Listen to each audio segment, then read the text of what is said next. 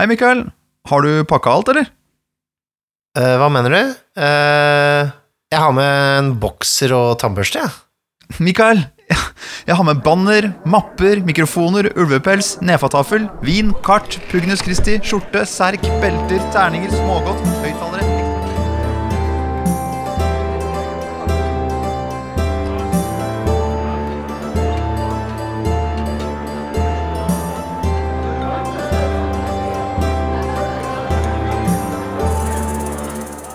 Uh, hei og velkommen til Vertshuset, til Vertshuset, til Vertshuset Er det sånn vi skal begynne nå? Det er aldri Med sånn. sang? Aldri igjen, Mikael. Med improvisert sang, sånn som drager og drottner.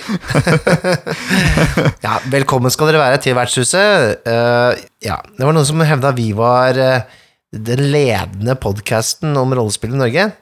Det var det var jeg som skrev det. Det var meg. Var, det var ikke du? Nei, det Nei, det syns jeg var litt å ta i. Det har vi jo ingen belegg for å, for å si. Jeg tror kanskje vi har snakka lengst om rollespill, da, på podkast. Det kan hende, Faktisk. Ja, men utenom det, så ikke, ikke, ikke Det er så mange andre som er flinke, og det er mye flinkere enn oss og sånne ting. Men uansett, da. Velkommen skal dere være. Mitt navn er Mikael Stensen Solhjell, og ved min side har jeg Nikolai Krogshusstrøm, og jeg har sparket av meg vandringsstøvlene og varmer tærne ved den brennende veggen som vi har inne på vertshuset her. Ikke sant? Skal vi få slokka litt på siden her? Jeg syns det, blir litt mye ild. Kan vi ikke bare ha ild liksom, i peisen? Må hele veggen være en peis? Nei da, vi kan godt øh, revertere, altså vi kan gå litt tilbake på låren, øh, og så heller bare ha en peis, for det er jo det er bedre å kaste rolleark rett i peisen, ikke på veggen. Ikke sant? Jeg tar slokker litt på siden her. Sorry, du som skapte denne veggen, eh, rollespill-Simen, men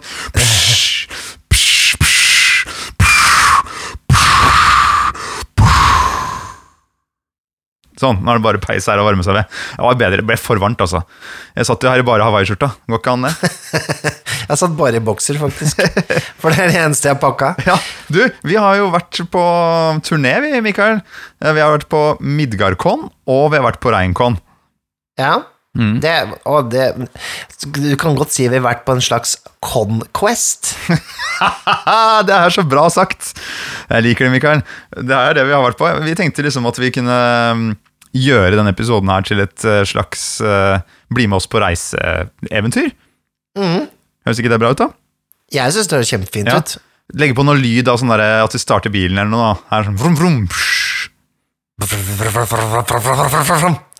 Så hva er det som skjer? Jo, for uh, er det et par uker siden snart, så føyk vi to av gårde uh, i en bil eh, til Midgardkon. Og tror du ikke vi hadde med oss en passasjer da? Baki? En blindpassasjer som hadde sniket seg med! Fy faderen.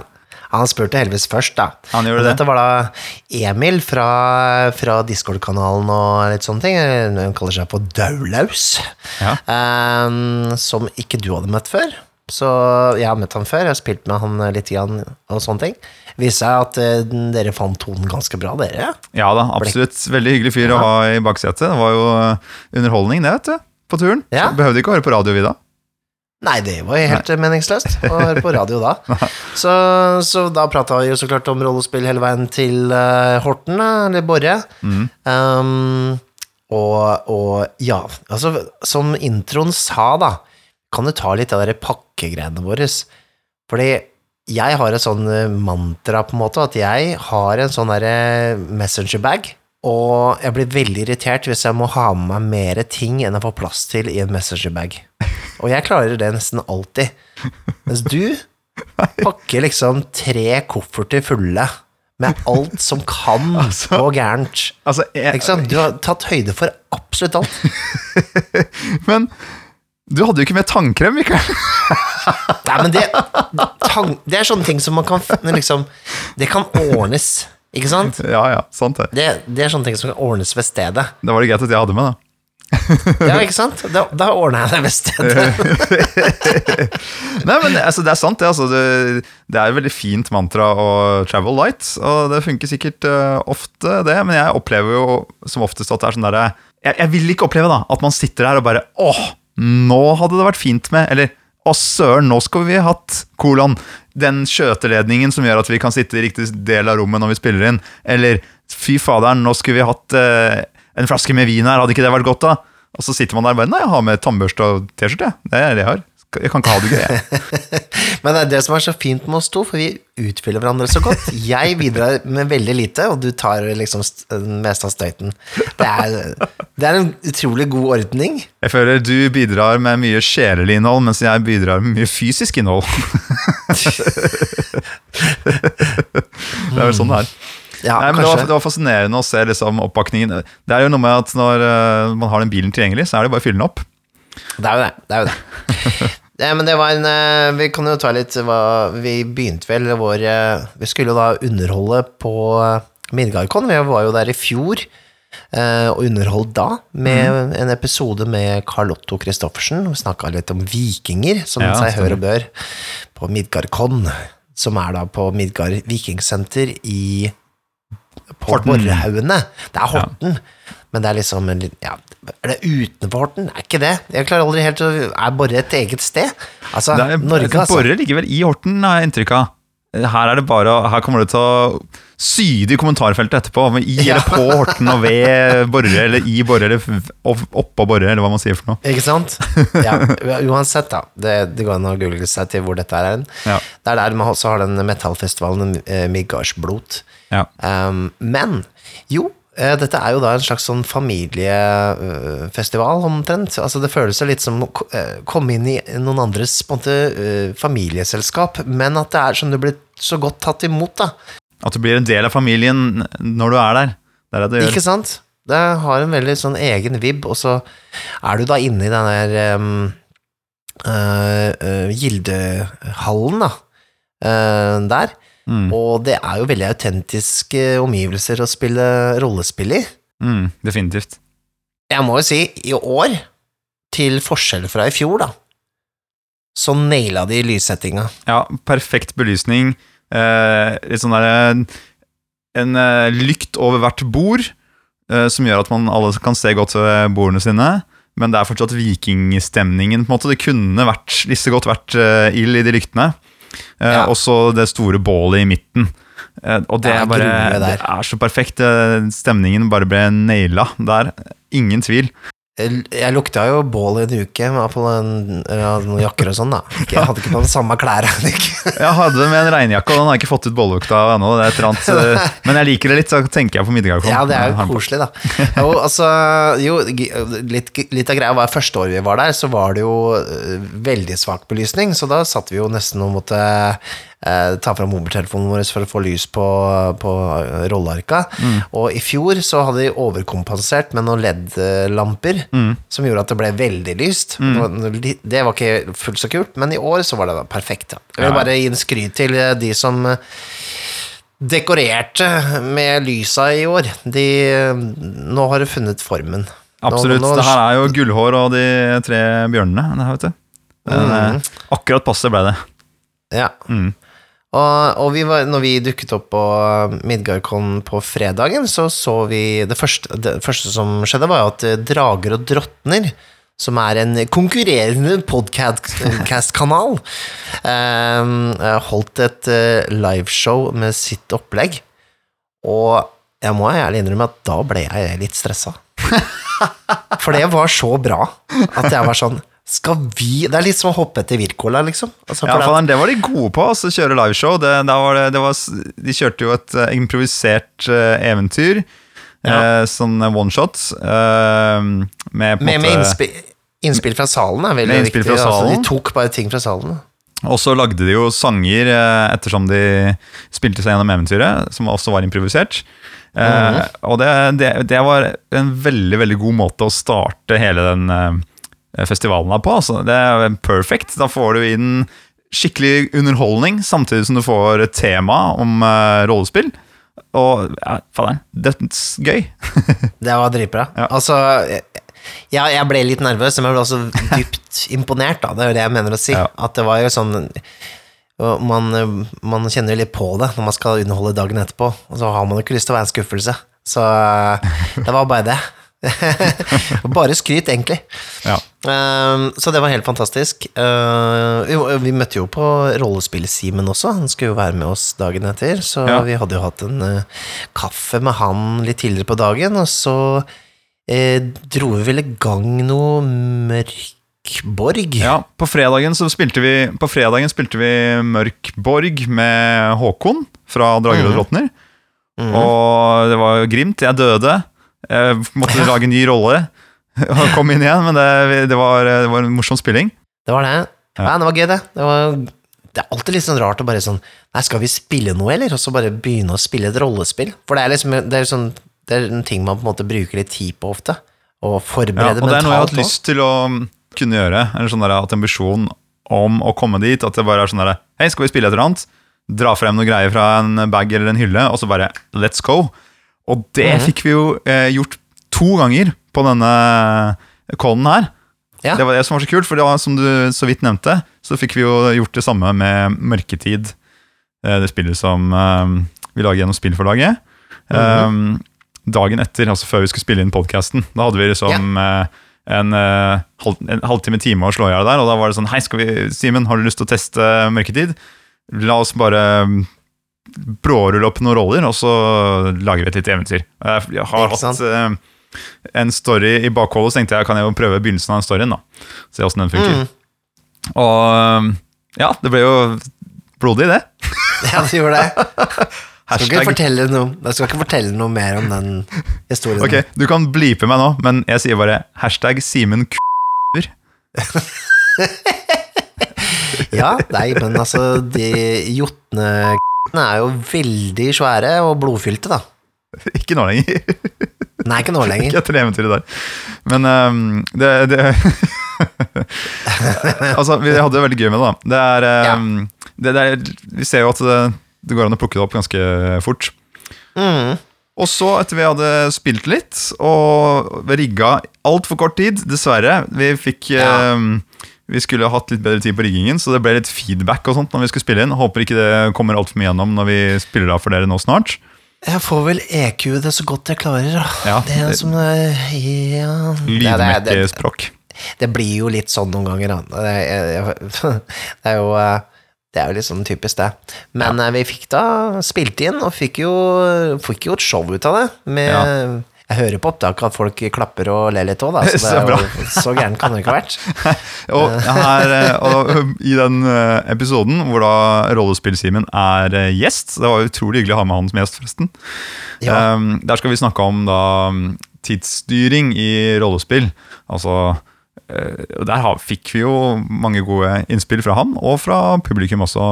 kom det noen innspill, hvis ikke jeg husker helt feil. Ja, stemmer det. Ja. Å, shit! Og så kommer jo Fader meg. Husker du at Ukens monster kom innom på slutten der? Ja, det husker jeg. Det var jo et helvete. Ja, men Vi får ikke spoile episoden for mye, da. Nei, nei, jeg får nesten ikke det. Vi hopper litt eh, inn i den, og her kommer uh, vår uh, performance Nei, det er jo feil å si. Vår innspilling av Vertshuset live på Midgardkon.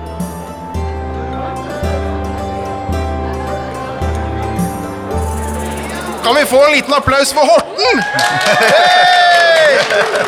Ja, det er bra. det er bra. Horten, er, er det Horten Rock City? Ja, Horten Rock City, ja. ja. Ja. Det er her rollespillet skjer, rett og slett. Ja, det er nydelig da. I dag så skal vi jo mm, snakke litt om noe som er veldig relevant for konspillinger, og det er å styre tiden i rollespill. Hvis man har eksempel bare fire timer til rådighet, og alle spillerne driver og pludrer fortsatt med første tingen de har møtt på, bartenderen. Ja, De sitter og snakker om hva de har på seg, eller hva de skal kjøpe, eller hvor de skal gå, hvilken dør å åpne. Det er en utfordring jeg tror eh, de fleste har støtt på. Ikke sant? Jeg sliter med det. Som spiller så kan jeg slite med det. Fordi jeg føler at jeg kan sitte ved siden av noen som har bestemt seg veldig for at den steinen som vi gikk forbi, det er det viktigste i hele kampanjen. Og så sitter jeg liksom og skal og vil ikke forstyrre steinopplevelsen, men det har pågått i en halvtime, liksom. Men hva hadde du gjort da? Hadde du avbrutt den spillerens interesse for steinen, eller hadde du latt det være? Eh, Altså, Som spiller så tror jeg jeg hadde prøvd å kløyve steinen. Men som spilleder så tror jeg på en måte Ja, da må man jo bruke noen grep, da. Jeg spilte en gang med en, en eh, spilleder som eh, Han lot alt bare skje i real time. Det var rollespill minutt for minutt. Ja, nettopp. Og da husker jeg at vi satt der etter 45 minutter og var litt sånn Ok, hvor lenge skal det bålet der vare før vi legger oss? Når kommer noe til å skje? Det det kan jo være litt gøy, det òg. Altså virkelig ta treigrollespillet til som eh, eh, Akseptere at ting tar tid, men som regel så er jo det ja, det, er, det, er, det er unødvendig, da. Det er tidssløseri. uh, jeg har jo et eh, triks som jeg liker veldig godt å bruke, og det er uh, bruke filmteknikk. Altså, når ting begynner å trekke ut, så er det sånn Og dere zoomer ut, og det klipper til. Og det Altså, hvis man bruker filmuttrykk, så er det liksom noe som er så forståelig og universelt at det er, det er lett å skjønne at Å ja, men det skjer, skjer så klart.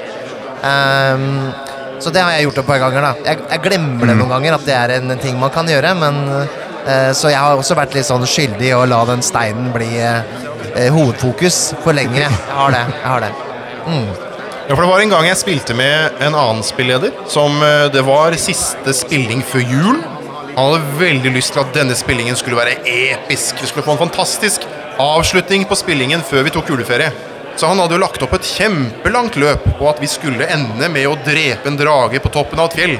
Men vi spillerne visste jo ikke om det. Så vi brukte jo to timer på å prate om dører i et vertshus. Vi satt bare og Ja, ja, ja vi hadde det kjempegøy. Og så havna vi på et luftskip, og vi endte med å krasje i et fjell. Og eh, til slutt så endte det jo litt sånn antiklimatisk, hvis det er Det det heter. Antiklimatisk, ja, stemmer. Eh, hvor vi bare var midt i en hule, og så var spillinga ferdig. Vi spillerne hadde jo hatt det kjempebra. Men spillederen var utrolig skuffa. For han hadde jo plan, hadde jo så mye planer! Men, men det er jo et sånn tydelig eksempel på en som da kanskje ikke gikk inn tidsnok da, for å sette strek på en scene og gå videre. At man glemmer at man har den muligheten som spilleder. Mm, mm. nå, nå er det slutt, liksom, at nå braser det noe inn i lokalet. Ja. Ja. Har, har dere også en- liksom en ting som dere alltid kan brase inn i lokalet? I baklomma, på en måte, som spilledere? Det er ofte, For min del er det sånn Om ett så hører dere et horn i det fjerne.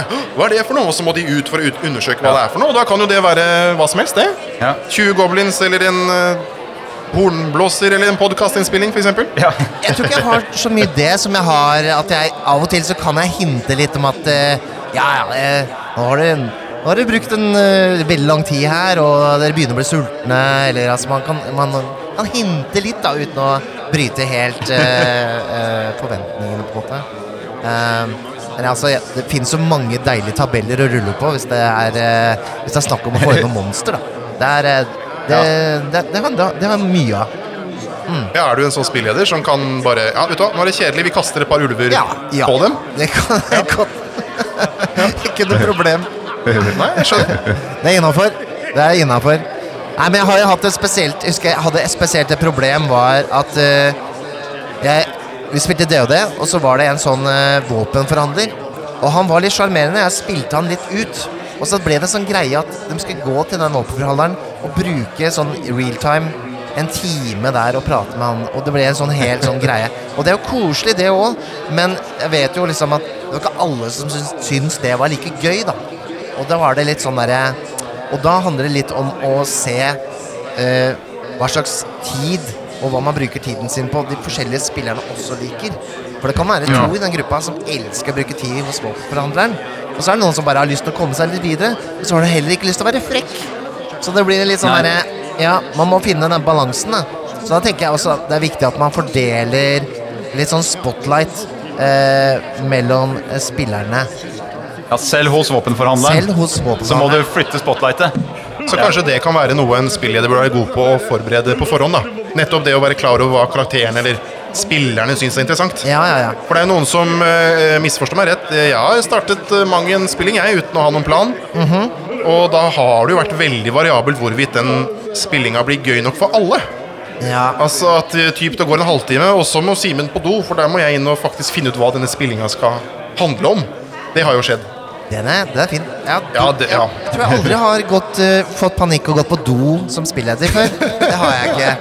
Det er kjent grep, uh, er det en ting eh, flere gjør? Så gå på do Altså unnskylde seg. Ja, Alltid gå på går på do. men eh, Ja, er det noen som do. gjemmer seg på do for å finne ut hva, hvordan eventyret skal gå videre? Ja, ja. ja er, Vi får et ja fra salen her. Ja, det stemmer. Jeg kan ha et sånn omvendt problem noen ganger at jeg har, jeg har Du må å lite på do. pace- Jeg kjører på for mye greier. Jeg får Ja. lite do. Og bare Ok, det skjer en ny ting. Vi slenger på en ny greie. Nå er det neste scene. Vi var nesten ikke ferdig med forrige før vi hopper inn i neste. Ja, at det blir for lite rom da, eller til ja, spillerne? Ja, rett opp. Og så etterpå så jeg sitter litt sånn Fikk de prata sammen egentlig nå, de spillerne? ja, Uh, skulle de hatt en liten Skulle de hatt en halvtime rundt bålet, kanskje? På et punkt. Ja, skulle de fått Skulle jeg gått på do, så kunne de prata litt. ja. Overengasjert eh, spilleder er på en måte ikke noe jeg ofte klager over. Da. Det skal sies. Det, det, det ofte Det var før du møtte meg, Mikael. deg, ja. Men, eh, men dere to dere er, to er jo ganske gamle, begge to. Eh, Ja. og dere starta jo å spille det, Iallfall du, Mikael, er jo ganske Altså, du har jo spilt førsteutgaven av DND en del, har du ikke det? Altså den eh, fra 1974, Ja, den som kom ut da jeg ble født? Ja, sånn cirka? Nei, jeg, jeg har ikke gjort det. For Hvis jeg ikke, ikke husker feil, så er vel altså Dungeon Master, eller spilleder, der ble det referert til som en uh, referee, altså en dommer. Yep. Og på den tiden så var det kanskje ikke så vanlig for en spilleder å faktisk vi si, teg, tegne et visuelt bilde. Du får meg til å virke veldig gammel nå. Du er- Altså, Som jeg opplevde dette her. Det gjorde jeg ikke. Før krigen, greit, altså, da du ble født. men men, men at, at da var skal vi si, en, en spilleders eh, ansvar litt annerledes da? For da avgjorde man vel hvorvidt eh, terningtrill traff eller ikke? Ja, det, det, det var jo, det var jo et, et stort skifte i den eh, Hva skal jeg si Historiefortellende spillederen kontra den eh, uavhengige, nøytrale dommeren som måte var mer regelopphengt. At det, her, skal vi, her skal vi følge reglene, og så dør dere om eh, det går gærent. Og det er jo en måte å spille på, det òg. Det er ikke alle som liker det. Noen elsker det. Eh, det har fått en litt sånn oppsving, da. Det har det. Ja. Og, og når det gjelder timing der, så, så Nå som jeg dykka litt inn i det, så er det jo veldig mye sånn Og en fakkel varer i seks eh, omganger, og en lykt varer i tolv omganger. Veldig sånn viktig å holde tiden da, for å, at ting skal liksom være eh, rettferdig da, overfor reglene. Så hvis du er den typen eh, spilleder, så sitter du og, og på en måte er et sånn tidsstyrer, da. Sitter og tikker ned Yes. Ja. hele i veien, så alltid er et press. Og jeg tror det er litt sånn uting i, i liksom gammel DAD å si sånn Da klipper vi til etterferden. Det tror jeg det er nok Ja, det går ikke. Det, det hadde blitt dårlig stil da. Jeg må jo si Den gangen det ble mest furore på, på Instagram, når jeg la ut noe rollespillinnhold, det var den gangen jeg sa at jeg ikke teller piler. Jeg vil heller ikke ha spillere som teller piler. For meg er ikke det spennende, det er ikke interessant å holde styr på de pilene. Da fikk jeg veldig mange sinte reaksjoner fra folk som sa at ja, men da er det jo spennende å vite hvor mange piler du har igjen, og om du kan overleve i skogen. Og... Men, men da innså jeg kanskje at øh, å, det finnes andre typer rollespill enn det jeg liker å spille. Ja. Men, men, men vi kan ta en runde på det. Rekk opp hånda den som teller piler når de spiller rollespill. Ja, det var Ja, ikke så mange. En, to, tre. Det var, Ja. det, var, det var litt dårlig. Og hvor mange er det Ja. som ikke teller piler? Ja. Ja, Ok, Ja, se her, ja! Ikke sant? For det er ikke gøy! Når man skal spille rollespill, skal man ha det gøy. Ja, riktig. Historien er viktigst. Historien om pilene. Ja. Og piler har ikke noe sted i en historie å, ha, å gjøre. Det kan bli en historie av det òg, ikke sant? Bare sånn, Ja, ja, det er ja, tre det kan piler igjen. Det er tre piler igjen. Hvordan skal vi overleve? Ja, det var jo den, eh, den, den spilleren jeg spilte med som, som gjerne ville ha alt minutt for minutt. Han var jo veldig opphengt i hva slags pels det var på hanskene vi skulle kjøpe. Har du ikke kjøpt ulvepels, Simen? Dere skal jo ut i vinteren. Ikke at han snakket sånn, men, Nei, men det, det var ekstremt viktig for han. Og da, hvis jeg ikke hadde presisert hva slags pels det var på hanskene mine, så tok han meg på det. Ja, men du kjøpte jo tynne hansker, du, Simen. Gjorde jeg det? Jeg antar jo at jeg har klær på kroppen. Man kan jo anta at hvis man er i en fantasyverden, så kjøper man jo tjukke hansker. Litt sånn hvis du står liksom eh, Står der med sverdet liksom i slira. Ja. Så jeg, jeg tenker Og han skal sikkert ha tynne hansker. Jeg vil ha de silke. Ja takk, gjerne. Ja, nei, men uh, dette er jo- Ja, det er jo en uh, det er jo litt morsomt det å ha sånne spilledere som antar det verste. Eller den, hvis du ikke spesifikt sier det. Og du sjekka ikke etter feller? Ja, ja. Det, det, det er alltid veldig morsomt. Ja, du har ikke sagt at du har pusta nå på to sessions. Du, er, du har ikke pusta i det. Du er død, du. Du er ferdig. Du har ikke presisert pusting, nei. Det er ikke Nei, nei. Nei. Du har ikke tissa, du. Det. Hmm. Nei, men, men, men han, han lot spillet gå. Og det var jo flere av de andre spillerne som syntes det var bra. At det var gøy å være med Nytt for minutt. At det var en spenning i det. Men, men da var det kanskje jeg som burde spurt eller prøvd å funnet ut av det på forhånd. da Hva slags kampanje han så for seg var gøy på forhånd. Eventuelt at han kunne ha snakket om det. Men det er jo sånn man egentlig ikke blir klar over før man sitter i det. Ikke sant? Ja, da, er du, da var du på session 17, på en måte. Og så var det de hanskene. Jævla hanskene! Men jeg tenkte på det, altså eh, Fordeling av spotlight blir jo på en måte også en stor del av tidsstyringen. Altså, Du styrer tiden, hver eh, spiller får plass rundt bordet. Og når vi da inviterte til podcast her på Midgardkon, og hadde med gjest og greier, så kjørte vi rett på temaet ved å hoppe over punktet som presenterer Hva er det du driver med om dagen, rollespill? vi. Ja, vi er Vi skal ha spotlighten litt på deg. Ja, ikke sant? Vi er, vi er veldig gira. Du, jeg eh, For de som ikke kjenner meg, Simen heter jeg. Hallo. Eh, ehm, jeg har holdt på å lage forhåpentligvis morsomt og spennende og informativt innhold om, om rollespill da, på sosiale medier og nettet nå de siste to årene. Og mitt mantra er egentlig det å få flere folk til å spille rollespill. Det er liksom mitt clou, da. For rollespill har gitt meg mye godt uh, oppimellom, og det er en opplevelse som jeg har lyst til at flere folk skal få lov til å oppleve. Uh, og du kan støtte meg i reisen ved å bruke penger på merch, som jeg har gitt ut nå på torsdag. Yay! Merch. Så hvis du har lyst på noen Altså, du har et hårete mål, da. Ja, Du skal få alle i Norge til å spille rollespill. Ja, det, det er målet mitt. Det er målet mitt. Målet mitt er at alle i hele Norge skal spille rollespill. Til og med farfaren min, som er litt uh, kjip å ha med å gjøre. Nei, men eh, jeg bare tenker at som sagt, voksne mennesker lever kjapt av fire liv. Litt sånn kjedelig. Det humper og går. For min del er rollespill en flott måte å oppleve noe nytt på, og forhåpentligvis ta det med videre ut i det virkelige liv, da. Så det var meg. Men åssen er det å være tilbake på traktene? Det er jo nice, er det ikke det? Det er veldig fint Det er veldig fint å se på såpass mange folk som jeg liksom har vokst opp med, og som jeg går på skole med. Det er koselig. Ja. Og nå spiller de rollespill Og nå spiller de rollespill! Det er veldig kult. Det er gøy. Nå er det jo vårt eh, tredje år her på uh, Midgardcon, og eh, nå har det blitt en tradisjon. Vi har bare hatt podkast nå to ganger, da. Eh, men eh, den første gangen kom vi frivillig. Det er frivillig nå også, Mikael. Jeg håper jo det, forhåpentligvis. nei, nå ble vi fanga. Det var et stort adventure. Eh, det å liksom gi spotlight til de forskjellige, ja, det, det merker jeg er litt vanskelig noen ganger. i hvert fall Spesielt hvis det er noen som tar veldig mye mer styringa og energi og, og, og krever litt mer spotlight. Eh, Hvordan, hvordan gjør dere det? Er det noe dere gjør utenfor spillinga? Snakke med dem om, om det? Eller er, det, eller er du sånn at du bare peker og sier 'nå er det din tur', eh, og er litt mer bestemt på det? Altså, Jeg kan jo svare først. Det, Ja. det jeg syns er en fin, fin og veldig enkel måte å gjøre det da Bruk navn. Du, du, Stine, nå har ikke du sagt noe på en stund. Hva, hva, er, det, hva er det din karakter gjør, f.eks.? At man faktisk øh, øh, vil ikke si overkjører, men at man bestemmer hvem spotlighten er på. Uten at man må, må la spillerne kjempe seg imellom. Vi har jo spilt med folk som er naturlig veldig karismatiske og entusiastiske og gir veldig mye av seg selv. Og da blir jo de som kanskje er litt stille og litt sånn forsiktige og teller piler litt sånn i bakgrunnen. Så det er fint, det er fint som spilleder da å huske den biten at man leder jo en opplevelse for spillerne. Det er jo et mål, tenker jeg, at alle skal ha det gøy. Ja, absolutt. At man må huske på det ansvaret, da, rett og slett.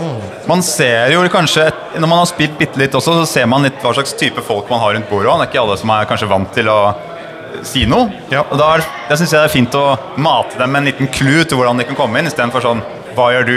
Ja. eh, Peke. At du gir dem noe å jobbe med. Ja, sånn derre Tora, du mens eh, Baldrian her borte driver og overtaler eh, orken til å bli på deres lag, så ser du, ser du en liten gnom som lister seg forbi.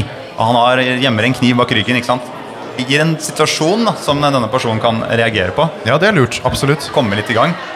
Men hva med deg, Mikael? Har du noen grep? Noen spesifikke grep? Jeg tenker at det er liksom sånn eh, Jeg vil gjerne ta tak i noe i bakgrunnshistorien, ja. Sånn at det blir liksom noe personlig, ikke sant. Eh, hvis, hvis, eh, hvis jeg virkelig skal gi spotlight til noen, så er det sånn Å, der, men der er broren din. Der kommer broren din gående. Ja, riktig. Da blir de jo tvunget til å reagere. Og han ser litt nervøs ut. Hva, øh, han, det ser ut som han ser etter Å, han ser etter deg! Ikke sant? Og så man lager kanskje noe som er litt mer sånn Oi, nå fikk jeg liksom eh, spotlight, men noe jeg kan spille på samtidig, da. For det er liksom Hvis det er noen som er stille, så er det sånn Det er kanskje en grunn til det. Og hvis det, hvis det er sånn Ja, nå skal du si noe. Da blir det litt sånn Det kan bli dårlig stemning.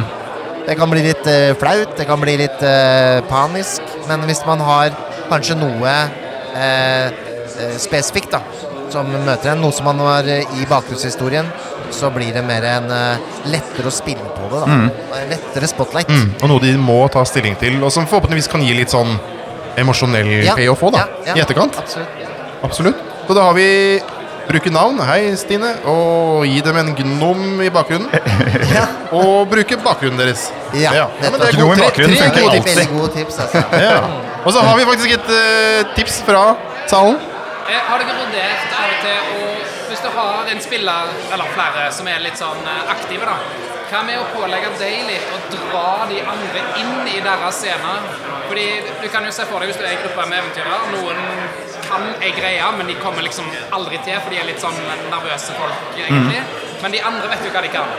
Så tauer de inn. Og det finnes jo systemer som på en måte belønner dette. eller Tenk Dungeons and Dragons, da, så kan du gi advantage, eller en sånn inspiration til den eh, den eh, personen som trekker noen andre inn i sin scene. Da blir de motivert for det. Så det er et indirekte grep du kan gjøre som GM uten å sjøl måtte være aktiv underveis. Nettopp. Så Carl Thomas sier her at uh, man kan bruke uh, andre spillere gode, som er gode på rollespill, til å trekke med seg de andre rundt bordet. Ja, ja, ja. Eh, det er et godt grep, absolutt. Så, ja, den der med å gi fordel i tillegg. Sånn der, ja, hvis du skal få til det her, så kanskje du må dra med deg Marie her borte. Hun må, hun må hjelpe deg hvis du skal Ja. kunne få der. Hvordan gjør dere det sammen? Ja? Ikke sant? Så kan de spiller man litt ball, liksom. Og så belønner man da ønsket atferd som spilleder ved å gi ut en inspiration eller en bonus. Av og til Ja, det høres sånn lurt. spillederting ut litt som å dressere bikkjer. Det, det er liksom ikke Gi liksom belønning og, og, og liksom eh, klapp på skulderen og, eller på hodet. Det er- Ja, Ja, nå spiller du riktig. Veldig Det flink. det er ikke bra, det, vet du. Og så skal man Jeg tenker man skal ikke være redd for å eh, Med tanke på Ikke på spotlight, men på pacingen. da Skal ikke være redd for å kutte i scener altså ganske, ganske hardt og Ja. hoppe videre. Og mm, Vi prata litt med Håkon fra Drager og drottner i går. Han nevnte sånn et grep som på en måte dukket opp da de spilte Itras by. Hvor der er det spillet som gjør mekanikken, men man kan gjøre det som spilleder også. Og det er å bare kutte over en ganske stor scene, f.eks. siste kampscenen, om det så skulle være.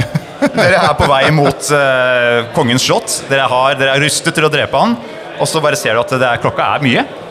Og så bare, Da klipper vi til en time etter kampen. Åh, det er spennende. Hvordan, hvordan har det gått? Hva skjedde hvordan nå? ser dere ut? Øh, øh, Fortell. øh, øh. Kongen er død. Plutselig. Ja, det er gøy. ja. Det er gøy. Sånne grep er veldig morsomt. Og det er jo litt sånn, for det er jo faktisk i, i Ringenes herre-boka så er det jo sånne grep. Det kommer liksom til etter at slaget er gjort. Mens i filmene ser man hele kampen, da. Men jeg, jeg liker den derre Å, shit, begynne å fantasere på eh, etterdønningene. Ikke nødvendigvis selve slaget. Ja, det er sant. Jeg holder på å lese 'Ringenes herre' på norsk nå øh, for første gang. Og da øh, Ja, jeg ser jo de Ja. filmene hvert år, jeg. Og så kommer man til Helms Deep, eller Hjelmsdypet, som det heter på norsk. Og der er jo kampen beskrevet på ja, en side, kanskje. Ja, kanskje litt mer da. En side, og så Det, er det det føles litt sånn uh... Og så er det 20 sider med beskrivelse av skog. Ikke for å lage en digresjon, men vet du hva som er verre? Ja, kom igjen. Er det hvis du har lest gjennom to tårn først, før du ser filmen, og så er hele den derre tingen som tar Hvor de vandrer rundt i det gresslandskapet. Ja. Det tar liksom eh, 15 sekunder i filmen, mens du har brukt liksom et halvt år på å klare å komme deg gjennom. Så det du vil si, er at uh, Tolkien var en veldig dårlig spilleder? Han, uh, han uh, Jeg syns han er en god spilleder, men han er ikke noen bra actionspilleder. Er Nei, ikke sant. Absolutt Nei. ikke. Han er vel rollespill minutt for minutt. Han er det. Ja. Og hva plate er det der? Hva er Hvem har kommet inn nå? Er det Er det- kanskje Nei, Jeg er det tror det er. Er det Jeg tror det er. Er det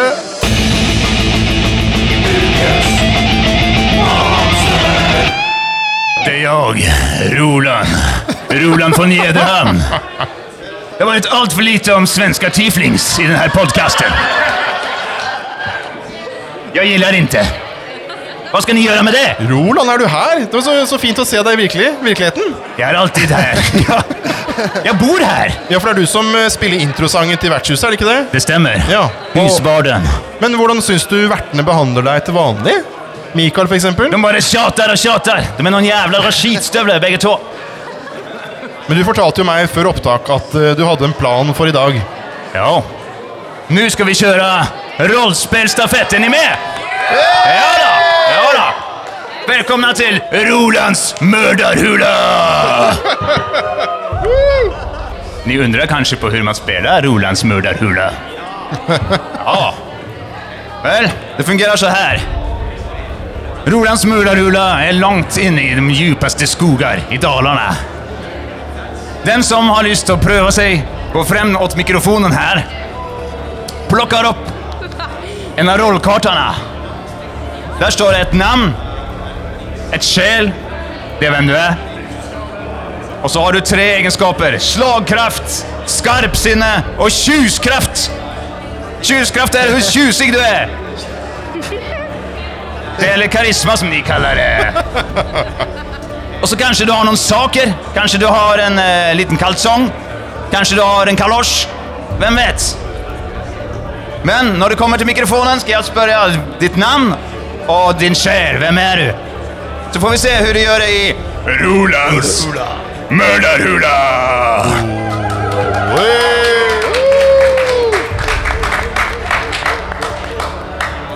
Velkommen til Rolands mørderhula. Hva er ditt navn? Karen Klegg. Karen Klegg kommer hit. Hva, hva er din själ? Jag har skrevet dette fort. Treben og treben og strikketøy. Tre, treben og strikketøy! Trebein Ja. og strikketøy. Ja. Du vandrer inn i hulen, og det er en stor sklida foran deg. Vil du sklida ned den sklida? Ja. Rull din slagkraft! Og legg til eller trekk fra det tallet som står på siden av, på norska. Där är 20-sidad eh, tärning här. Du måste ha 17 eller bättre!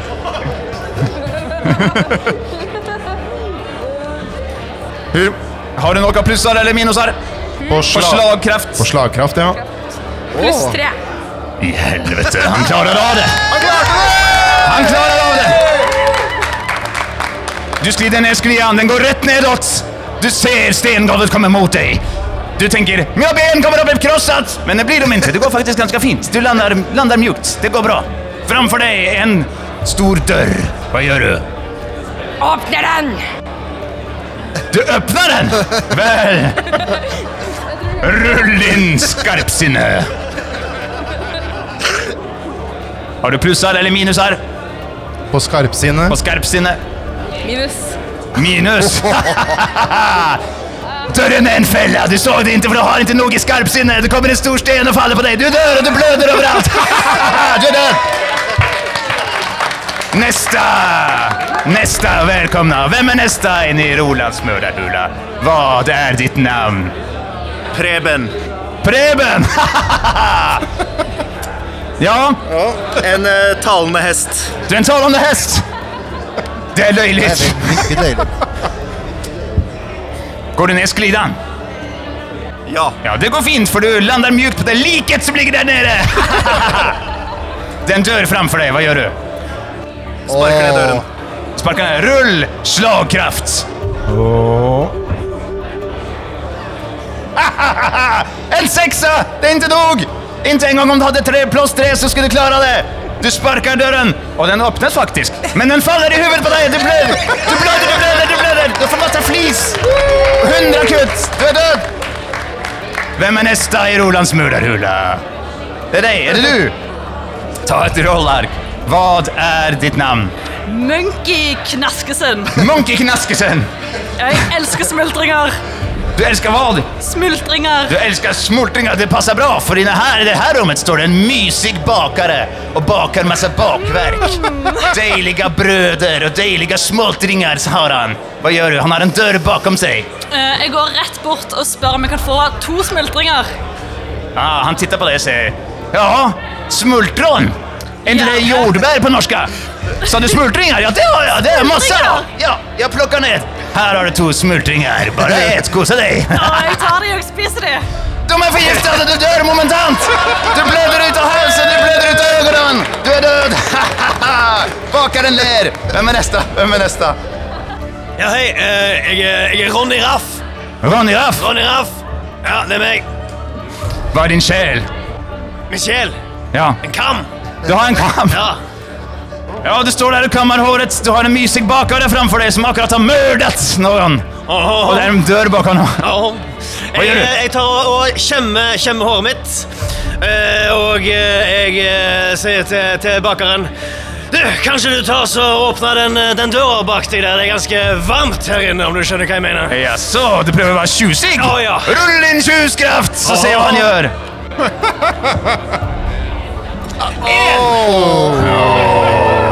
Pluss tre. Bakaren hater folk som eh, greder håret. Det havner hår i hans mackor. Han kan ikke få utstå sånne som deg som driver og greder sitt hår. Han åpner døren, men bakom døren Hundra vakter som skyter deg med sine crosspiler! Du blir genomhullade! Hundra ganger! Og de ler av deg og sier Vi skal krossa din kam! Kamma!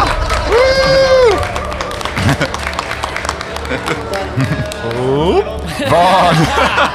Hallo! Helvete! Det var, en, eh, det var en lang snubbe som kom gående. Hva heter du? Toril Skarpskalle. Toril Skarpskalle, ja! Skal du få prøve deg. Hva er din sjel? Eh, jeg er ung, og jeg er en intrigemaker. Å, i helvete! Jeg har møtt mange sånne i mitt liv. Ja, alle vakterne som har uh, drevet og skjutit med sine armbrøst, de står og spiser denne brøddegen, og de kreperer om hverandre. Så det er en åpen dør foran deg. Går du inn? Ja. Ja. Du kommer inn, der sitter det to äckliga postkastare och tjatar om skit hela dagen! Og eh, Toril sier Du, jeg peker på den ene podkastverden sier Du, jeg hørte at han sa at eh, du, du var dårlig podkast-host. Og, og, og når jeg snakket med deg tidligere, så sa du det samme om han. Intriger, jag gillar det, jag gillar det. Rull en tjuskraft! Rull tjuskraft och se hur det går. Du ska ha 17 eller bättre. Eh, 13. 13 är inte nog. De var for gode venner. Du trodde det var podkastere, men de ringer av seg fillerne, og du ser at det er jævler som sitter der! Ja, vi trenger flere som deg, intrigmakere. Vi de tar deg med rett strakt til helvete!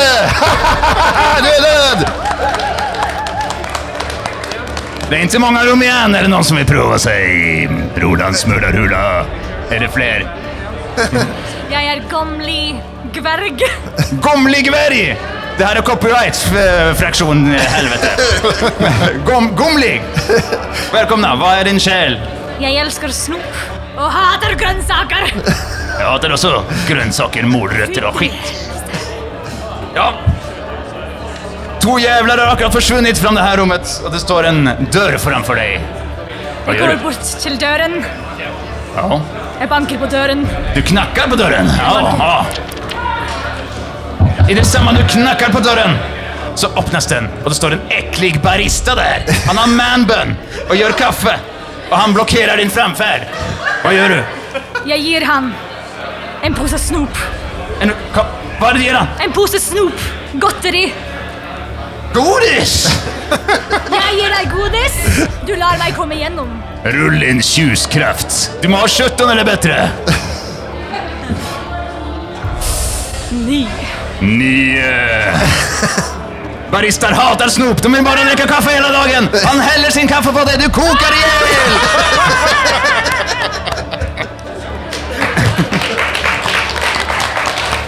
Hvem er den siste som vil prøve seg i Rolands mørdarhula? Hei, hva er ditt navn? Boss Erlingsson. Boss Erlingsson. Og hva er din sjel? Åh, en talende katt. Mjau. Den talande katt! Jeg hater sånne rollespill med sånne talende katter og hester og sånne skit! Jeg vil bare ha dverger og alver og kanskje en tiefling her. Det står en ekkel barista, han akkurat eh, Akkurat Han har just helt kaffe på en morgen. Og så titter han bort på deg. Hva gjør du? Eh, jeg stryker meg forsiktig over pelsen. Ja, den her baristaen, han elsker katter.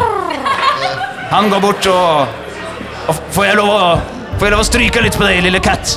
Ja, da, da maler jeg og prøver å innordre meg med den.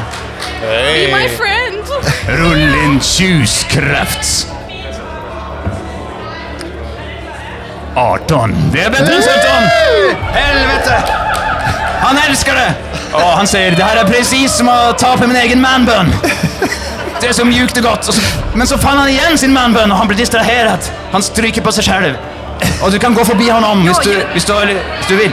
Jeg sk- skynder meg og sniker forbi. Bare Du er den enda som har kommet til siste rommet Oi, i. Rolands mørderhula. Det er et vakkert rom. Det står et tjusig lite klaver der borte. Det er nydelige små tiefling som danser og sjunger og spiller. Det er det vakreste stedet du har sett. Det her, det er Rolands rom. Og du har vunnet Rolands mørderhula! Det er ingen liten ting. Du skal få en liten pris, faktisk. Du skal få en tote bag med bilde av meg på. Hva er det her? Det er ikke meg. Det her står jo vertshuset. Helvete! Jeg hadde ikke bra nok eh, bilde av deg.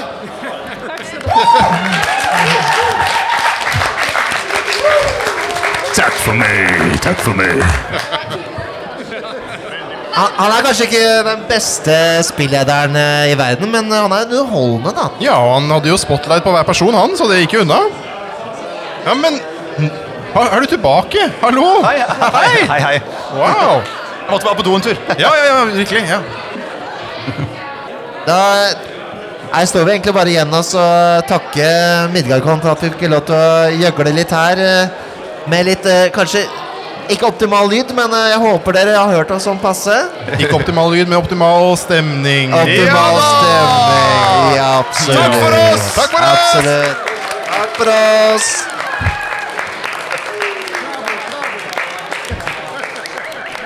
Ja, Å, shit, det var mange som daua i den uh, dungeonen der på slutten. det var, oh, fy det var jo dødelig opplegg. Ja, nå er, jo, eh, nå er jo han kjent for å være en uh, litt sånn bitter gammel uh, DM, da. Som, som trenger å få ut litt aggresjon gjennom spilling. Jeg syns, jo at rull 17 eller bedre er ganske brutalt system, ja. Det er relativt brutalt, ja. Men eh, samtidig, det er jo mulig. Du så jo noen som klarte det. Det var jo det.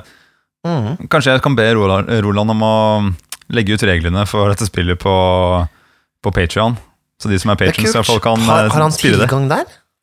Han, til, han bryter seg jo inn der han vil, han. Han har Jeg ekstreme hackerskills eller et eller annet sånt. ting. Kanskje det er magi? Kanskje det er en eller annen tiefling eh, fra Skåne-magi? Ja, vet du, når, du kom, når du bor i the underdark, så kommer du jo inn eh, på the dark web. Og da, derfra så kommer du hvor du vil. Ok, naturlig, naturlig. Vi gjorde jo mer spennende på festivalen. Eh, Vi var jo Vi fikk jo anledning til å spille etter eh, innspillingen. Ja. Eh, Med eh, Det hadde vi jo meldt oss opp på også, da. Eh, Spille med Thomas Mørkeri. Jo, men først Først oh, ja, før det? Før det så eh, hadde Nei, det, var, ja, det ble flytta, men jeg må bare nevne det. Jeg var med Ah, ja. på eh, den konkurransen hvor man skal fekte mot hverandre med sånne eh, LARP-våpen. Live action role-playing game-våpen. Live heter det også, Live, Nikolai. live, det er det norske ordet. Ja, men det her var det de sa. Jeg, jeg kan Jeg ikke hørt det. om dette. Ja, men det var jo sånn med litt sånn vestlendingdialekt, som var larp. Ja. Men det var skjold og sverd og greier. Jeg tenkte det her er jo noe for meg. Så jeg melder meg på og stiller meg opp der. Og det var jo datteren til arrangøren, husker jeg ikke akkurat hva hun heter for noe. Faktisk akkurat nå. Anne Anne Anne sånt. um? Uansett. Nei, nei, det er hun der fra Jeg- Drager og drottner igjen. det. Du blander sammen de der. Uansett. Ja, Jeg ble, jeg ble denga. Jeg ble fekta ned, for å si det sånn. 3-0. Ja, og jeg var ikke engang til stede for å se det skje. Jeg var jo og spiste hjertesuppe mens du drev og sloss for vertshusets ære. Det var dårlig gjort. Jeg Kom rakk så vidt å komme på turneringsbanen der, for jeg var høgd ned i småbiter og ble sopt bort med feiekost etterpå. Ja, hadde ikke du litt sånn For, vi tenkte jo at siden Carlotto ikke var på festivalen i år Eller han var, han var på festivalen, men han var ikke der for det. Nei. Da tenkte jeg, da hadde du kanskje mulighet, men du ble jo bare drept. Ja. Nei, jeg må legge meg i sela nå. Jeg skal øve. Neste Ja. år. Neste år skal du få!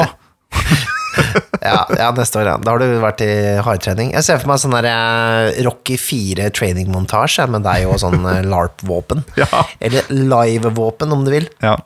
Uh, jo, vi hadde meldt oss opp på spill med Thomas Mørkeri, uh, Fabula, nye versjonen av Fabula som Han har vel spilt den en god stund sjøl, men den er jo ikke da ute i noen butikker eller noe sånt. Nei, men han har um, laget noen YouTube-videoer, eh, så han er å finne på YouTube nå. Og Hvor han gir litt sånn uh, spilledertips, spillertips, eh, snakker om rollespill og sånt. Ja, Um, Fabula-kanalen heter den. ja, Eh, Du søk på Fabula, og så ja, ser du hva du finner. Og så, Der snakker han også om at ehm, eh, han driver og skriver på spillerboka og spillederboka til eh, Fabula. Da. Så det, det er noe i emning der, i hvert fall. Mm, mm, Absolutt. Uh, ja, det var jo litt av en spilling. Vi var uh, Vi spilte da eventyret, eller scenario som het Mørket. Mm. Og gud, det ble ganske mørkt. Ja, det ble det.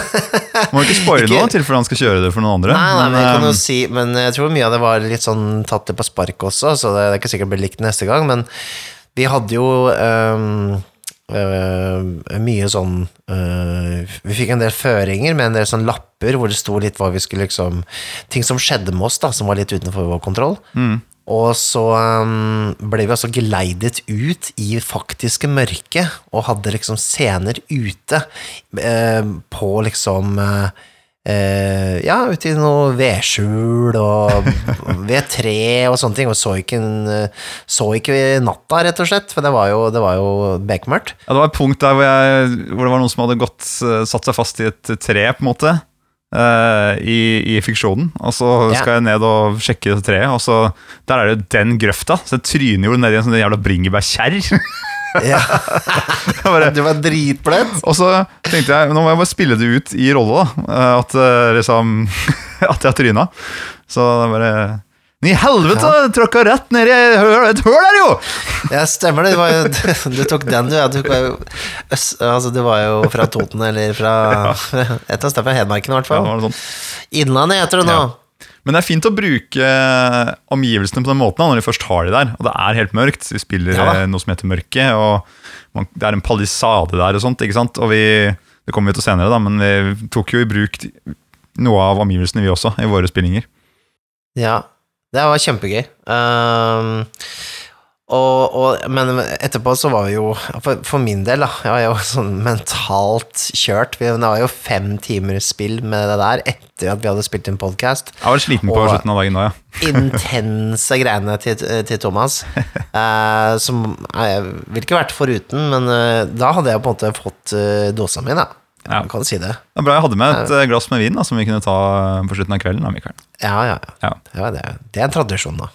Og så dagen etter så var det mm, mørketiddag. Det er Yes. jo mm, vikingspillet som vi utvikler i samarbeid med mm, Outland forlag. Ja. Og mm, modulen Pugnus Christi som jeg har skrevet. Og som jeg nevnte, altså eh, Jeg visste jo at Pugnus Christi skulle kjøres på Midgardkom på et eller annet punkt. Så det er eh, noen scener i, dette, i denne modulen som passer å gjøre akkurat der. For eksempel, eh, det er et hov som er beskrevet eh, der, som ligner kanskje litt på den gildehallen. Da. Det er lett å se for seg eh, hvordan det ser ut. Eh, og det er en palisade det er snakk om, som også ligner kanskje litt på den som er utenfor. Ja, det er jo, det er jo, det er jo Midgardcon-scenario. Selv om jeg kjørte det tidligere på Arkon i år, da, så, så var det jo Det hører jo hjemme på Midgarcon. Ingen tvil om det. Definitivt. Eh, hva var høydepunktet i spillinga di, ja? Um, det var mange høydepunkt. Altså, jeg storkoste meg med den, eh, med den spillinga der. Um, Og hvem var det som satt rundt bordet da? Det var uh, Nå skal jeg Det var Nils Elling, og så var det en som het Eivind, og så var det Carl Trygve og ei som het Martine. Ja. Uh, og um, det var kjempegøy å spille med de. De levde seg inn i rollene. Vi hadde en høvding og en skald og en skjoldmøy og en trell uh, rundt bordet. Og altså, som sagt, det var mange høydepunkt, men jeg tror jeg må bare ta frem eh, eh, det Martine gjorde da hennes rolle Trellen døde. Eh, og ble hugget hodet av under spillingen. Eh, hvor hun da bare har jo fått Vi har jo gått gjennom hvordan man lager rolle, så hun bare rullet opp en ny rolle. En annen trell, som var eh, eh, russisk.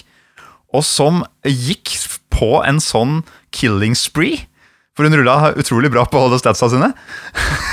som bare det, altså det tok jo ingen ende. Det var huer som ble røsket av, det var benker som knuste skaller, det var uh, hugging av overkropper, det var, uh, det var det ene etter det andre. Det var liksom Så hun ble jo hetens Røde Sonja på slutten av spillingen der. Det var jo bare blod og gørr overalt. Det var, eh, det var veldig, veldig morsomt, og ja, Ja. det må jeg si. Det var, eh, det var en episk spilling. Jeg tror eh, høydepunktet mitt var egentlig navnet til eh, høvdingen til, til Frank Rapialsen. Det var uh, Han har iallfall slagfjes til etternavn, som var liksom uh, Det var jo rett og slett for han hadde punchable face, men han trodde liksom det var fordi han liksom han tålte så mye slag til trynet, og sto fortsatt, liksom. Så han var en veldig dum høvding. Ja. Så det, det var veldig fint. Slagfjes. Den er fin, med dobbel betydning. Det er riktig. ja, ja, ja. Altså, så vi, vi kjørte mørketid til stort hell, syns jeg. Det så kjempefine spillinger. Uh, og, og da fikk vi jo en knapp uh, uke med pause før det Oi, shit, hva er det som ligger her? Er det noe som Er det noe du Det falt ut av kofferten min der. ah, Oi, her er står det jo Reisebrev fra Reinkon, står det her. Oi, oi, oi! Jeg tror det er munkene som har skrevet eh, et eller annet om Reinkon her. Kan det stemme? Det står, det står faktisk uh, reisebrev fra uh, onkel Reisende Nick. Det er sånn det er. Jeg kan jo åpne brevet. Å, de har sånn, å, det er så koselig når de legger inn sånn der, eh, liten greie som synger når du åpner. ja. Jeg åpner den, jeg.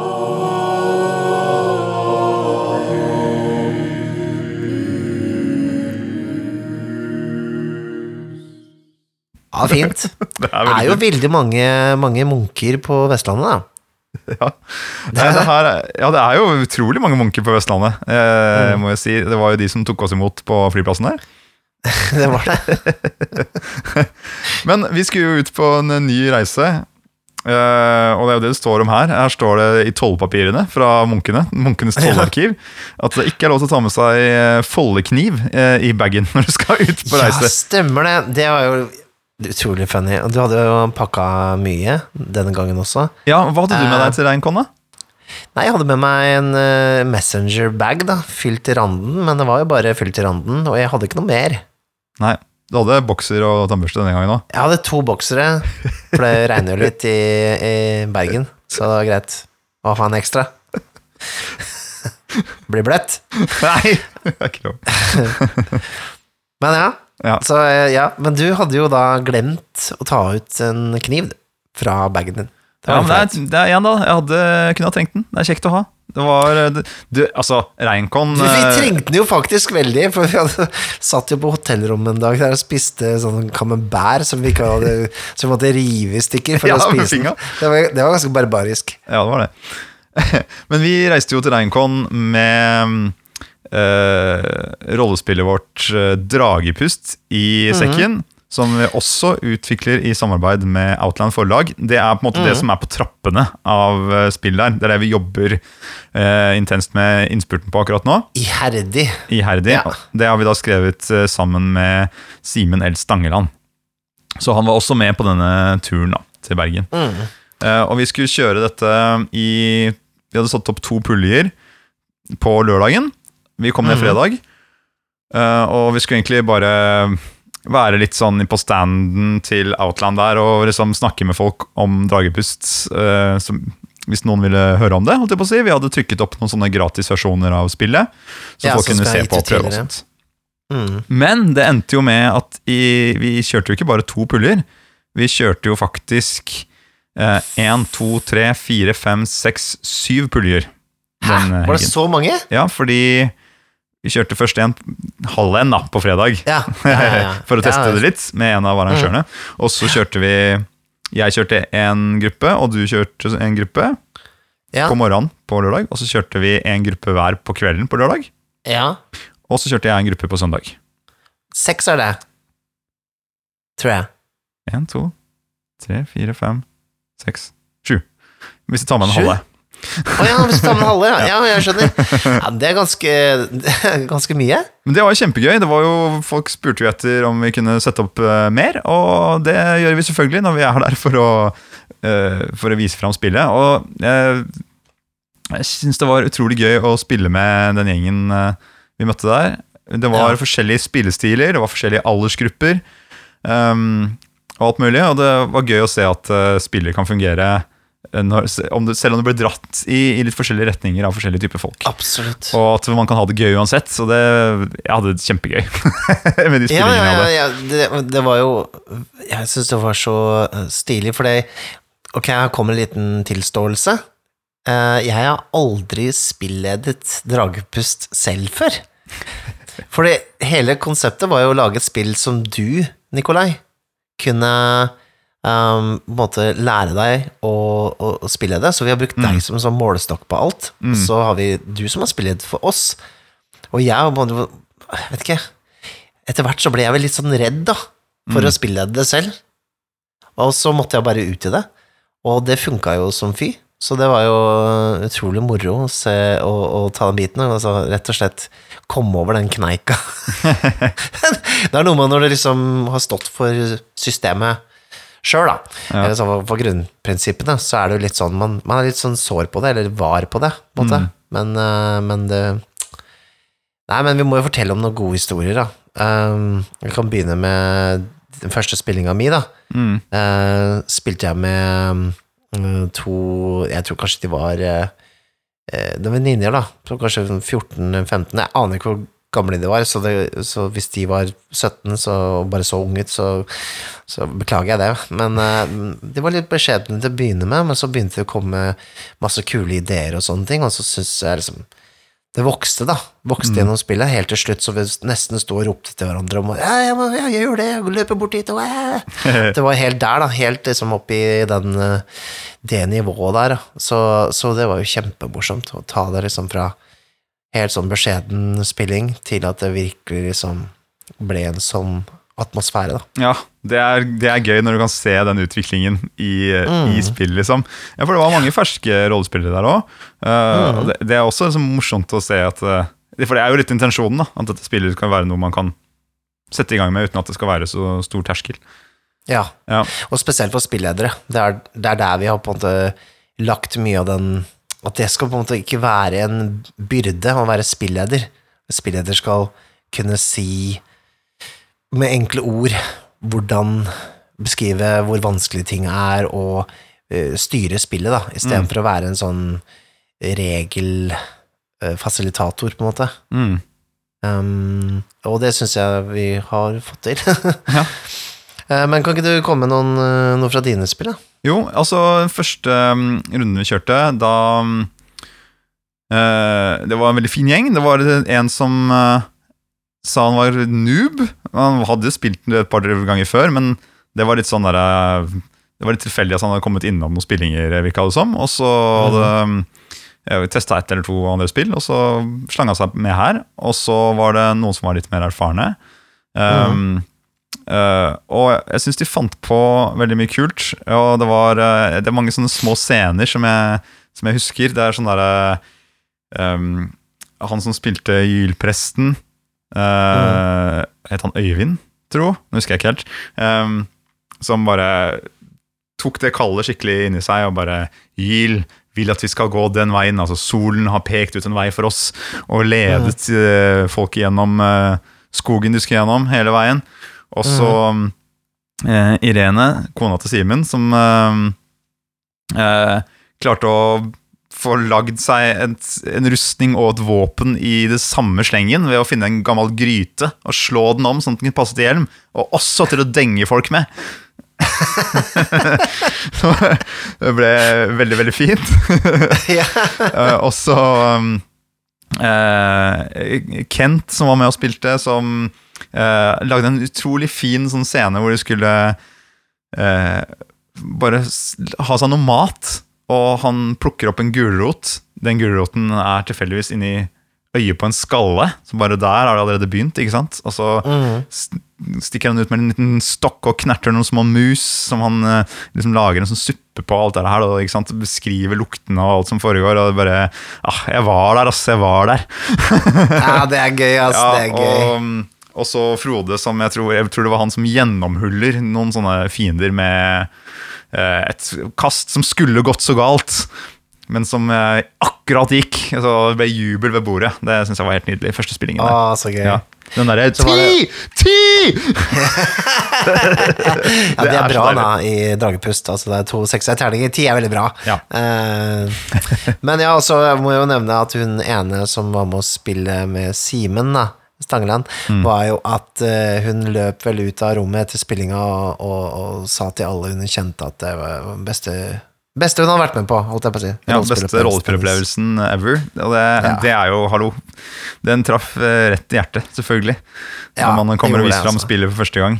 Men hun hadde ja, gjort en veldig kul greie òg. De hadde funnet en eller annen gris som de skulle, hadde drept og skulle grille. Og så hadde det kommet noen eh, fæle, levende lik som hun hadde plukka opp den grisen og bare denga de der likene med grisen. Det er jo det er også et episk eh, øyeblikk. Ja, det høres veldig bra ut. Ja. Også selvfølgelig Ah. andre spillingen på uh, Andre spillingen på kvelden der. Eh, Nå kan, eh, altså jeg, jeg kan jo snakke i timevis om disse spillingene, men jeg kan ta kort Ja, ja. liksom bare Der gikk de skikkelig inn i rollespillingen med en gang. Gikk inn eh, character, uh, hele gjengen, og det fungerte også kjempebra. Da ble det jo sånn der, Da blir første delen av uh, eventyret skal gjennom selvfølgelig lenger, for da er man jo i rolle ikke sant, og snakker. Ja, på. og det var så kult å se liksom uh, Se andre utbrodere eh, det universet som man allerede har skapt. Sånn at eh, når vi sitter og retter på ting eller fikser og gjør småting etterpå, så er det sånn Erfaringene fra disse spillingene da, gjør at vi putter ting, nye ting inn i spillet. Ja. Fordi vi har jo Ja. lært mer om verden ved å være mer i den, ikke sant? med andre typer folk.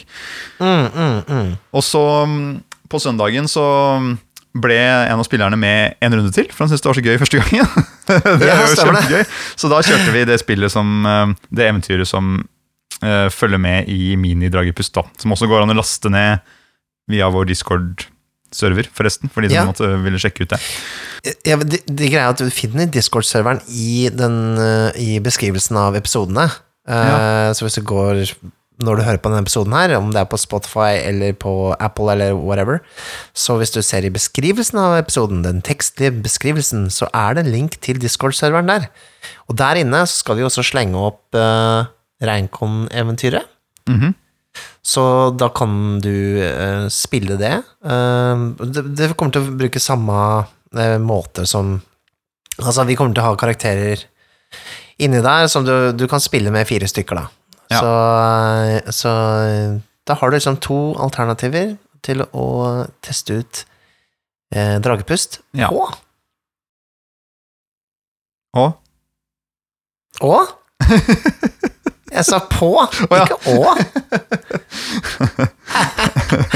Så det er jo bare å gjøre det. Ja. Uh, jeg kan jo nevne at uh, i det eventyret som er skrevet for uh, Reinkon, så er det også lagt inn uh, på en måte små Hva heter det for noe? Lagt inn en, små terninger hver gang det kommer en ny regel. Sånn at det skal Mm. være lett å ta reglene steg for steg da, gjennom eventyret. Så du kan si det er litt easy mode. Ikke easy mode! You're gonna die! Ja, det var jo mye det nære Men på eh, der. det er, eh, det er for å kunne bli kjent med reglene også, da. Så, Mm. Men absolutt et helt uh, frittstående eventyr som kan uh, kjøres. Det var jo i hvert fall veldig moro for oss å være på Reinkon, og eh, det, det man skal sies at dette var Reinkons 30. år. Reinkon 30 var dette her. Ja, det, det var ganske kult, og vi um, Før Altså, hallo, bare Nå har de jo kjørt det her på ungdomsklubber, skoler og sånt nå. Og nå er det på Ja. et uh, stort hotell, uh, ikke så langt unna flyplassen. Uh, mm. Quality Hotel Edvard Grieg, tror jeg det heter.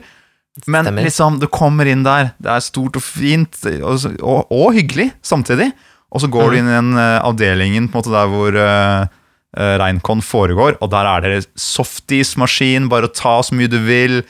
Ha på strø, det er popkornmaskin der, bare ta så mye du vil. Det er satt fram eh, litt sånn der bakverk og noe frukt. Kaffe, ta så mye du vil, bare traske rundt, prate med folk, kose deg, spise Altså, altså Hvor hyggelig! Det, det, var, det var Jeg er ikke vant til slik, si. Jeg har, jeg har vært på Øyafestivalen. vi får ikke noe gratis der. Nei, Så det var helt fantastisk. det her, Nei, men det var, eh, som du sa, det var Reinkon 30, og mm, vi, var- det var jo en sånn felles middag på lørdagen, og da eh, kom han som var med å starte eh, første Reinkon dit yeah. for å snakke litt om hans opplevelse. Dette var da Heikki Holmås. Ja. Eh, riktig. Eh, og han er jo Han er jo kjent for andre, for andre ting enn rollespill. Han er jo eh, han har vært en politiker. Han er vel kanskje litt politisk aktiv fortsatt. For SV. Eh, jeg har stemt på han på et tidspunkt, faktisk. Fordi at jeg kjente han igjen som en rollespiller. Så tenkte jeg ja, men altså, kan ikke Altså, det er, det er bedre med en rollespiller enn noe annet, si, på Stortinget. Så um, Jeg vet ikke, Han er veldig glad i sånn diplomacy og junta og sånne type spill. Altså. så jeg vet ikke om det er så lurt å ha ham på Stortinget. Det er sant, han, han, han hadde kjørt en 16 timers megasiv-runde på, på eh, Kollen. Og da fikk jo vi eh, noen minutter med han, da. Så her kan du høre vårt eh, intervju med Heikki Holmås. Nå er vi på Reinkon, eh, Mikael. Det er vi. Eh, og for en festival! Dritgøy! Vi er i Bergen. Kjempegøy. Ja, Og vi har fått eh, lov til å snakke med Heikki Eidsvoll Holmås heter jeg. Jeg var med på å starte den første eh, Reinkåren for 30 år siden. Eh, fordi da hadde både Oslo og Trondheim, og til og med Arendal sin egen eh, kon, mens vi ikke hadde det i Bergen.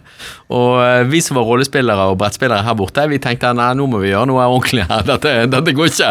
Bergen dårligere enn Oslo. Ikke, ikke, ikke søren. Så, så vi dro i gang eh, Reinkon og, eh, og laget det som en demokratisk forening. Og jeg syns jo det er utrolig kult å være tilbake eh, på Reinkon 30 og se at her er det fullt liv. Jeg var med på de første kårene. Jeg ledet den første og andre og var med på å arrangere den tredje. Men, eh, men deretter har jeg bare vært innom som besøkende. Og nå, eh, det å komme tilbake igjen på jubileum, det var gøy. Og jeg har skjønt at du er eh, eh, Altså, du er en diplomacy-fan? Er det sånn eh, å forstå? Ja, vi ble, vi, det var liksom to Jeg, jeg var rollespiller, da. Det var eh, Jeg begynte med Dungeons and Dragons og gikk over til, uh, til Advanced Dungeons and Dragons. Jeg regner meg som sånn andregenerasjons rollespillere i Norge. Var liksom de, det var noen som var litt eldre som hadde spilt lenger, men vi, vi var liksom Når vi fikk spillbutikk i Bergen, og vi begynte å reise til Oslo for å dra på Spillspesialisten, som senere ble Avalon og, og, og, og så videre, uh, så var det Ja, vi, vi, vi startet liksom opp der, da. Og når vi hadde en butikk, så skapte, ble det skapt et miljø. De ville selge spill. Eh, vi andre syntes det var gøy å spille spill. Og så fikk du et helt miljø som Ja, og så når vi dro i gang Reinkon, da, så fikk du oppmerksomhet og, og dro ut eh, og nådde ut til mye, mye flere. Så jeg er Ja, det er kjempe, kjempespennende og veldig gøy å få vært med på å dra det i gang her i Bergen. Ja, så kult. Hva er det som er favorittrollespillet ditt nå, da? Som det har gått noen år? Nei, altså jeg faller jo tilbake igjen. altså Jeg er jo high fantasy-rollespiller. Jeg syns jo at det er gøy å spille, eh, spille Dungeons and Dragons. Eh, men så synes jeg jo Altså Det var jo mange Det var mange rollespill fra den tiden når jeg begynte å spille, som jo har fått en enorm aktualitet. Vi hadde jo spillet Paranoia, for eksempel. Rollespillet Paranoia, der du var en av fem kloner, og der, der hele verden var styrt av en datamaskin. Vel, altså, de traff ikke så dårlig. så det var gøy. Men som sånn introspill så syns jo jeg at sånn eh, spill eh, Det som jeg spilte og har brukt mange ganger som introspill, som er Call of Cthulhu. eh, som jeg var med på å, å introdusere mange nye folk for. For det, det, der ligger hele overraskelsesmomentet med det okkulte. Eh, og, eh, og det at du er på en måte et vanlig menneske som plutselig settes inn i en verden der overnaturlige ting faktisk fins. Det, eh, det er en veldig god intro som jeg Ja, jeg, jeg finner fortsatt glede i å bli dratt inn i den type, den type settinger. Men nå er det først og fremst brettspill det går i, for det er det som, det er det som funker når du har to unger og mye å gjøre på jobben og, og, og alt mulig sånt. Så det kommer rett fra høstferie nå med, med, med mye brettspilling eh, på hjemmebane. Ja, men Det er kult at du får det inn i heimen på den måten der. Er Helt nødvendig. Det, og jeg har, en, og jeg har en eh, kone som har veldig sterkt konkurranseinstinkt. Jeg har veldig sterkt konkurranseinstinkt. Og vi har fått en datter som har ekstremt sterkt konkurranseinstinkt. Så, så, og det er ikke liksom sånn Det betyr jo at vi er to foreldre som ikke lar barna vinne. Nei, Det er sunt også, det tenker jeg virkelig. Ja. Eh, Du, nå har du, du var med på første Reinkon. Nå er det 30. Reinkon. Eh, har du sett noen endring i hvordan det har blitt nå fremover? Ja, Altså det er jo, vi, eh, vi, er jo, vi er jo blitt 30 år eldre, men heldigvis så eh, er ikke de som spiller eh, 30 år eldre, jeg tror vi bare er 20 år eldre. Så eh, jeg tenker jo at det eh, Altså brettspillet har jo eh, er jo blitt mye mer familiespill nå enn det det var. Altså jeg husker jo når jeg vokste opp, var det jo liksom Monopol og Ludo og, og, og litt sånn. Nå får du kjøpt, Og det fantes spesialbutikker for å få kjøpt mer, mer spesielle spill. Nå får du kjøpt relativt avanserte spill i, i vanlige bokhandlere. Så det har jo, brett, det har jo mye bredere utbredelse. Rollespill som, eh, som fenomen har jo utviklet seg, og nå er det jo mye mer live. Eh, levende rollespill, som jeg også har vært med på eh, noen, noen få ganger. Og så er det jo ikke noe tvil om at det at du har online-spilling, online rollespilling, gir helt andre muligheter enn det vi hadde den gang jeg var eh, ung. Jeg, eh, eh, jeg tok et valg å ikke være Altså, husk, vi hadde ikke internett. Altså, internett var jo, når jeg, For 30 år siden når vi begynte dette, så eh, hadde vi 128 kilobits per sekund hvis du hadde din egen dobbel ISDN-linje. Nå, Det er liksom en tusendedel av det eh, veldig mange helt vanlige hjem har i, i, i dag.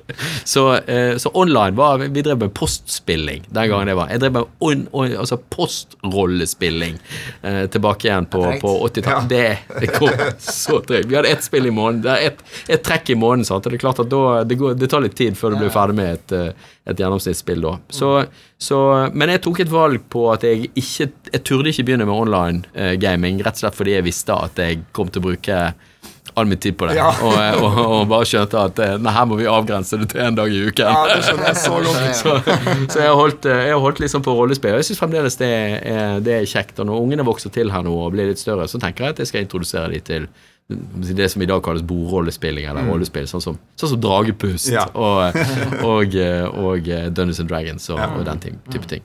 Ja, så kult. Altså, nå er vi jo kollen over, og vi vet at eh, de vi prøver å snakke med her nå, de skal rekke fly og komme seg av gårde. Men er det noe du har lyst til å si som en sånn avsluttende greie før eh, vi alle pakker sammen og reiser tilbake til vår vanlige rollespillhverdag? Ja, jeg synes at det, det Du skal ikke undervurdere betydningen av å øve seg i å utvikle fantasi. For det er en enorm kraft i fantasien. Og det, eh, det å spille rollespill og improvisere sammen, som jo er det man egentlig gjør når man spiller rollespill, løse, løse mysterier, men improvisere sammen, utvikle sin egen fantasi, legge til rette for de andre som spiller, er utrolig viktige ting som, som verden, verden eh, trenger. Du, du må begynne altså, Du får ikke utviklet noe teknologi som kan løse noen av de viktige, store utfordringene, enten det er klima eller fred eller avskaffing av fattigdom og sult i verden, hvis du ikke har folk som forestiller seg først hva det er som må til, og deretter begynner å jobbe for å klare å realisere det. Og Den, den øv, øvelsen som ligger i fantasien, det å komme sammen sånn på, i fellesskap som dette på Reinkon eller andre kons, eh, eller i rollespillsammenheng, det, det skal ikke undervurderes. Det syns jeg er veldig veldig gode ord. Det er noe alle kan ta med seg. Øv uh, på dette og bli eh, på en, måte en kraft ut i verden med å øve på å improvisere og drive med rollespill. Kult. Tusen takk for at du ville snakke med oss. Tusen takk for at dere lager podkast. Ja, det var jo en livlig bergenser. Altså den, Altså Her er det en som brenner for hobbyen, og det er så fint uh, å prate med sånne folk. Ja. Hallo, det er, eh, det er sånn det skal være. Og han mener jo at uh, rollespill kan redde verden, og det mener jo vi og Mikael.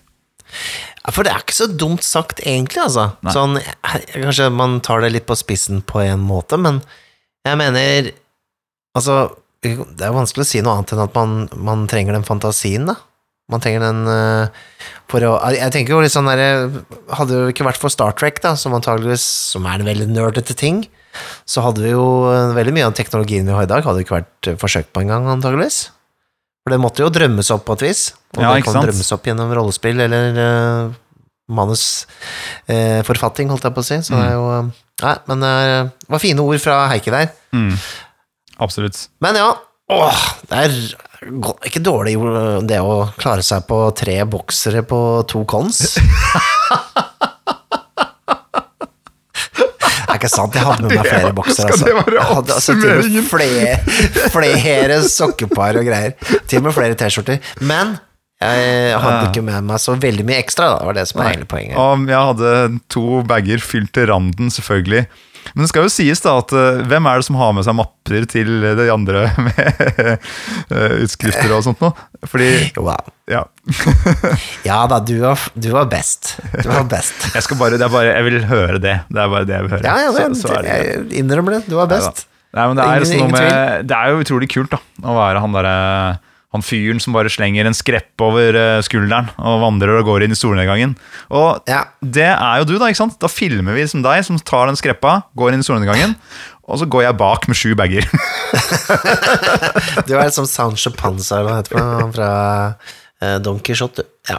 Og jeg er Don Quijote. Det er, det er sånn det er, vet du. Det er sånn det er. Ja.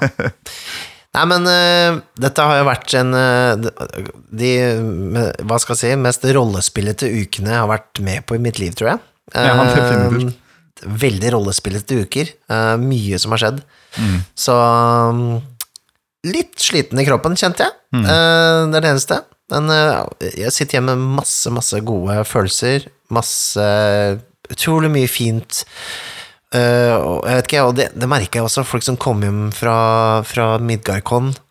Uh, måte, liksom, man snakket om rollespill etterpå, var med sånn glød og passion igjen. Ikke Mm, sant? Du skjønner? ja, ikke at det ja. ikke var der før, men det var et eller annet som skjedde med de som var der, og, og, og så Reinkon også, den derre den, både engasjementet og den følelsen av at man må være med på noe som, som både er tradisjonsrikt, men også får inn nye folk, da. Eh, jeg anbefaler alle å ta turen til begge cons neste år. Det, det, det gjør vi, ikke sant? Vi- ja ja, absolutt. Og jeg, Konspillinger er gøy, altså. Jeg bare, men jeg har, jeg har så lyst jeg, jeg følte det var så mye god energi, og det var mye kjæreleik, rett og slett. Eh, føler jeg, og har vært på disse konene. Var, jeg fikk skikkelig påfyll med energi. Og nå, jeg bare tenkte Jeg hadde jo egentlig tenkt å si sånn der, Ingen nevnt, ingen glemt av alle som var med og spilte med oss. Eh, Ja. Men eh, jeg, nå har, nevnte jeg jo noen på det første bordet, så jeg må bare Jeg må ta en liten runde. bare Shout-out! en liten shout-out. Og jeg får jo ikke tatt alle som spilte med alle oss, men jeg var først jeg får si at vi hadde kjempegøy alle sammen med å kjøre Dragepust for dere. På Ja, det var Reinkon. gøy. Kjempegøy. Og Mørketid på Midgardcon også, selvfølgelig. Men Mm. uh, eh, Maja, Stein, Rune og Torunn, som var i den andre gruppa, dødsgøy spilling. Kjempegøy. og de fant på ting som jeg var sånn der Å ja, ja, ikke sant, stemmer det. Kan du, det går jo selvfølgelig an å gjøre det. Og levde seg inn i rollene. Dødskult. Og så søndagsspillingen, da jeg egentlig var altfor trøtt til å kjøre spill, men slang i meg en god morgen yoghurt og, og hoppa opp likevel. Fordi, hallo, jeg, jeg fikk jo masse energi av å spille med disse folka her, og det var eh, Renate, Andreas og Frode en gang til, og Morten. Eh, Som var med på den spillingen. Og det var også utrolig bra gjeng, og da fikk vi eh, hoppet inn i skoddemyrene. Og tror du ikke, fy søren meg, de klarte å ta en av de der som jeg trodde ikke gikk an å ta i det eventyret der. da. De klarte faen meg å ta knekken på. Så det var Ja, ja, imponerende. Eh, og Renate også var engasjert på slutten og lurte på om hun kanskje skulle prøve å kjøre det på Kjøre det på engelsk eh, i fremtiden. Og det, det er jo i så fall veldig spennende hvis hun får eh, prøvd seg en runde med det. Ja, ja. Det har jo aldri vært på engelsk før, men det skal jo kunne gå an, det. Det er sånn det skal være. Rollespill skal ikke være engelske spill som vi driver og knoter og gjør om til norsk. Det skal være skrevet på norsk, og så skal alle fra utlandet komme og si Å, fy faen, det er spennende. Går det an å få oversatt det til engelsk, eller? Det er sånn det skal være? Mikael. Det er sånn det skal være. Ja. Ja, det er, det er en alvor, nesten som en brannfakkel. Det var Ja, det. det er sånn det skal være, sier jeg nå. Og Ja, jeg tar, okay. og tar en eh, Skal vi se hva det er for noe Her er det en kubbe som jeg tar ut av peisen og holder oppi i været mens jeg sier det. Uh, nice, nice. Ja. Eller pais. Nei, det sier de ikke her. Roland Nei, sitter i men- et bur nå og må holdes, holdes på plass etter å ha Ja, vært ikke sant? Han ble, ble så morderisk etter den mørderhulaen. eh, Ja. Men ja, da, da har vi jo eh, da har vi vært på en reise med dere, da. eh, På tvers av landene og greier. Ehm, neste uke så er det vel ny episode av Death in Space. Mm -hmm. Begynner å, å spisse seg litt til her for våre tre helter i rymden. ja. Så, så følg med. Det stemmer. Og som alltid, følg oss gjerne på Discord, som vi nevnte. Eh, Der prater vi om prosjektene våre og om podkasten. Det blir en link til den i episodens beskrivelse. Hvis du ønsker å støtte oss og det vi holder på med, og også få disse Death in Space-episodene en uke før, så blir gjerne en patron. Da går du i så fall inn på uh, patreon.com, skråstrek vertshuset, eh, for å da støtte oss med en liten sum, og få tilgang på litt ekstra materiale. I tillegg til at vi eh, kan lage flere kule ting til dere, da. Er det der den mørdarhulaen til Roland skal slenges opp, altså? Det, er, eh, det står i to do-listen min. Din? Eller, eller eh, Ja, min, I min to står det at jeg skal prøve å få Roland til å legge det ut. Oh ja, ok, Ja. sånn sett. Du er klar over ja, hvor mye overtalelsesevne og mye karismarull man må rulle for å få han til å gjøre noe? Over 17 i hvert fall, det er helt Ja, sikkert. i hvert fall rulle over 17, skal jeg love deg. Med det sier vi takk for eh, følget, og vi snakkes igjen om en uke. Ha det bra. Ha det bra!